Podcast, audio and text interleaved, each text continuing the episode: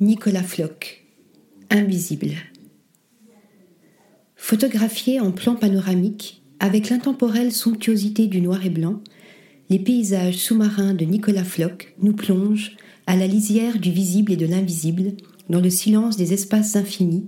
immersifs et magnétiques. Ces paysages procurent l'étrange sensation d'errance et de flottement entre deux eaux,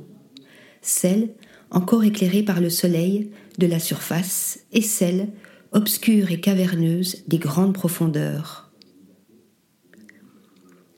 Une sensation d'errance et de perte de repères spatio-temporels que l'on serait tenté de rapprocher de l'énigme de l'homme flottant entre les deux infinis dans la vertigineuse démonstration de la disproportion de l'homme et de la nature dans les pensées de Pascal.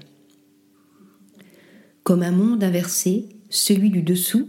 les paysages sous-marins côtiers photographiés en apnée par Nicolas Floch dans les calanques de Marseille nous conduisent à fleur d'eau, puis dans ces masses, à la frontière de l'obscurité, dans l'antichambre des abysses. Vertigineux point de vue, en effet, que celui qui transforme la surface de l'océan en immensité céleste ou en draperie mouvante, et les gouffres caverneux ou les parois rocheuses en habitat organique curieusement désertés, reflétant dans de subtils clairs obscurs le miroitement des fonds,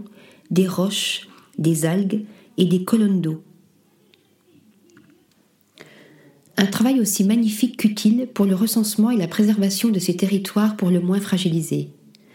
Les paysages de la série Invisible, présentés par la Galerie Maubert, après avoir été montrés cet été à la Fondation Carmignac de Porquerolles, sont en effet le fruit d'une commande publique émanant du ministère de la Culture destinée à l'inventaire de ces paysages invisibles à l'œil nu des côtes françaises. Loin de toute fantasmagorie et de tout anthropocentrisme, ayant fait le choix d'évacuer l'exotisme de la couleur, mais non la beauté plastique et la dimension picturale de ces paysages par le procédé piézographique des tirages donnant un duveteux charbonneux, Nicolas Floch, en donnant à voir la beauté quasi lunaire, mais aussi la grande fragilité de ces immensités sous-marines inexplorées, semble faire œuvre de visionnaire, à l'instar d'un Victor Hugo qui, dans Les Travailleurs de la mer, écrivait Voir le dedans de la mer, c'est voir l'imagination de l'inconnu, c'est la voir du côté terrible. Article rédigé par Stéphanie Dulou.